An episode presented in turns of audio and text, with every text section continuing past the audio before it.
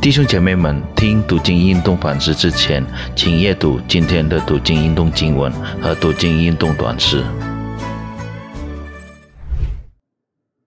主内弟兄姐妹们平安，感谢主耶稣已经为我们而死，也为我们复活。因此，现在活着的不再是我们，而是基督活在我们里面。让我们以基督联合，就像葡萄枝子。紧紧的连在葡萄树上，我们也与基督紧紧的连在一起。让我们每天的不断思想神的话，让我们吸收神的话来喂养我们，使我们属灵的生命可以不断的成长，结出许多的圣灵果子。还没思想神的话之前，让我们一同低头祷告。主耶和华，你是我们的力量。我们的诗歌，我们的拯救，你是我们的神，我们要赞美你，耶和华。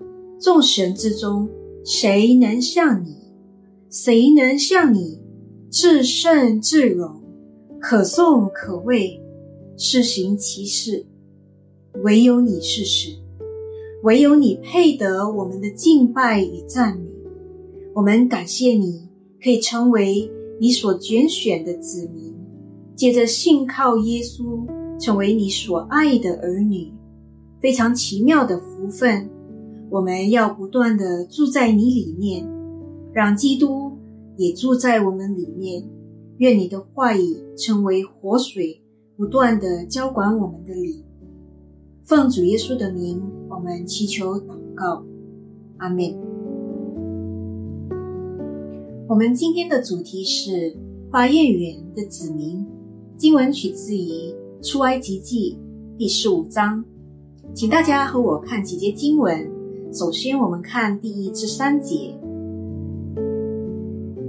那时，摩西和以色列人向耶和华唱歌说：“我要向耶和华歌唱，因他大大战胜，将马和骑马的。”投在海中，耶和华是我的力量，我的诗歌也成了我的拯救。这是我的神，我要赞美他；是我父亲的神，我要尊崇他。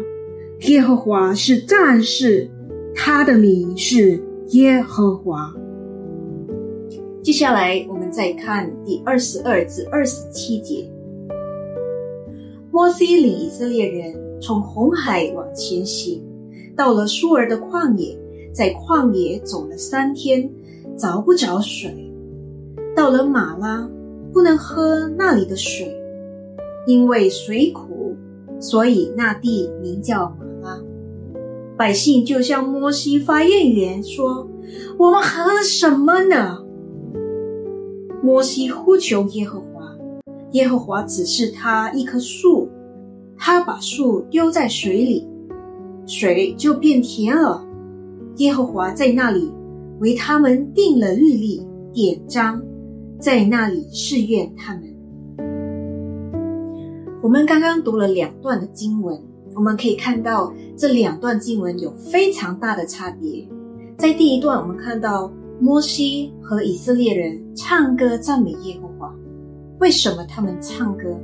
因为。他们亲自经历了上帝的大能，亲眼看见了上帝为他们做的奇事，看到上帝怎么样的带领他们过红海，走上干地，并且带领他们脱离法老王的追击，把法老的车辆、军兵泡在海中，甚至法老的特选的军长都沉于红海。若我们仔细的读第一至十八节，我们可以想象，当时摩西和以色列人是何等的开心，他们唱诗赞美、跳舞、歌颂耶和华，因为他们亲自经历了，他们有这么伟大、全能、好棒的神在他们中间。我们也可以想象，他们心里肯定也感到非常的骄傲。因为外邦的神不能与耶和华相比，因此，从他们的口中，从他们的诗歌，他们说：“耶和华，众神之中，谁能像你？谁能像你至圣至荣，可颂可畏，施行其事？”那接下来我们就看第二段，事情发生了过后，摩西就带领他们前往苏尔的旷野。他们在旷野走了三天，这走了三天找不着水喝，那他们再继续往一个地方，到了那个地方，原来有水喝。哇，三天走了旷野没有水喝，突然到一个地方有水喝，我们可以想象他们赶紧的拿水喝，但非常失望的，那里的水是不能喝的，是苦的。那经上说，他们就开始发怨言，说：“我们喝什么呢？”那我们看三天前，他们非常的高兴，赞美、唱歌、跳舞，赞美耶和华。那三天后，因为没有水喝，他们就开始发怨言。三天前，他们知道，他们晓得，他们亲自、亲眼。看见、经历了，他们有这么伟大、全能的神在他们中间。三天后，他们忘了有同样的神，有同样的伟大、全能的神与他们同在。难道他们不知道这么伟大的神可以打开红海的，不能让他们在旷野喝水？只有摩西很清楚的知道。有耶和华与他同在，在这样的问题下，他知道他需要求的是谁。因此，二十五节告诉我们说，摩西呼求耶和华，耶和华指示他一棵树，他把树丢在水里，水就变甜。就这么简单。摩西呼求耶和华，耶和华指示他。那摩西按照耶和华指示他的去做，问题就解决了。其实以色列百姓若他们记得在他们中间有这么伟大全能的神与他们同在，他们都不需要发言语。可是，在三天里面，他们已经忘了上帝怎么样的为他们做的启示。那我们成为神的儿女。许多时候，我们不是和以色列百姓一样吗？我们许多时候也得了属灵的失忆症。我们很快的忘记了神在我们生命中所做的启示，他的恩典，他的帮助，他的带领，他的看顾。我们要不断的诉说，我们不断的思想神在我们生命中所做的事。我的大儿子从小就非常的自立，若他能做得到，他绝不会找我来帮忙。那前几天他在电脑上要做作业，要下载老师发给他的图片，那他怎么做也不能下载，就在那边发脾气，怪是电脑的错误。那我接近他，问他到底是什么问题，他认为再没有其他方法能帮助他。他忘了他妈妈有学过电脑，可以帮到他。然后我就告诉他，他就按照我的方式啊，一步一步的去做，然后很快的就可以下载那个图片。那他大大眼睛望着我，很惊讶的发现，原来事情就这么简单，就可以解决了。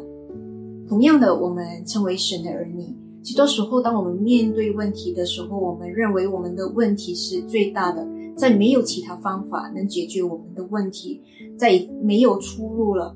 可是，其实是我们忘了，我们有伟大的神，是很棒的、可靠、可信的神。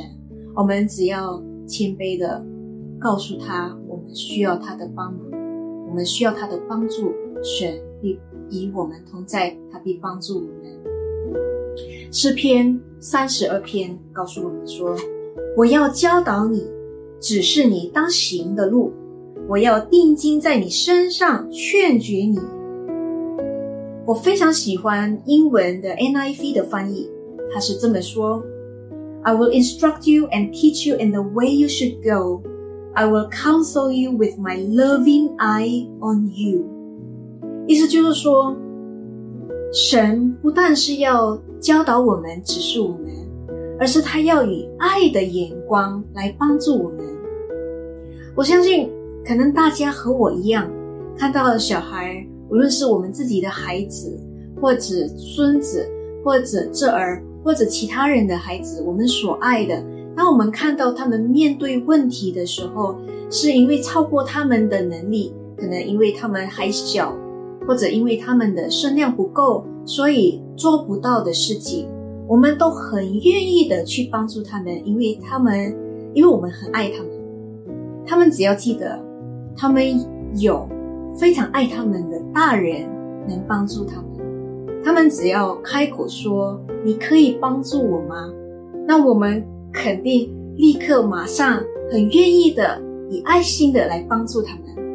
何况我们的天赋上帝，因为我们天赋上帝的爱胜过世上的爱，我们的天赋非常的爱我们，他很愿意的帮助我们，并且。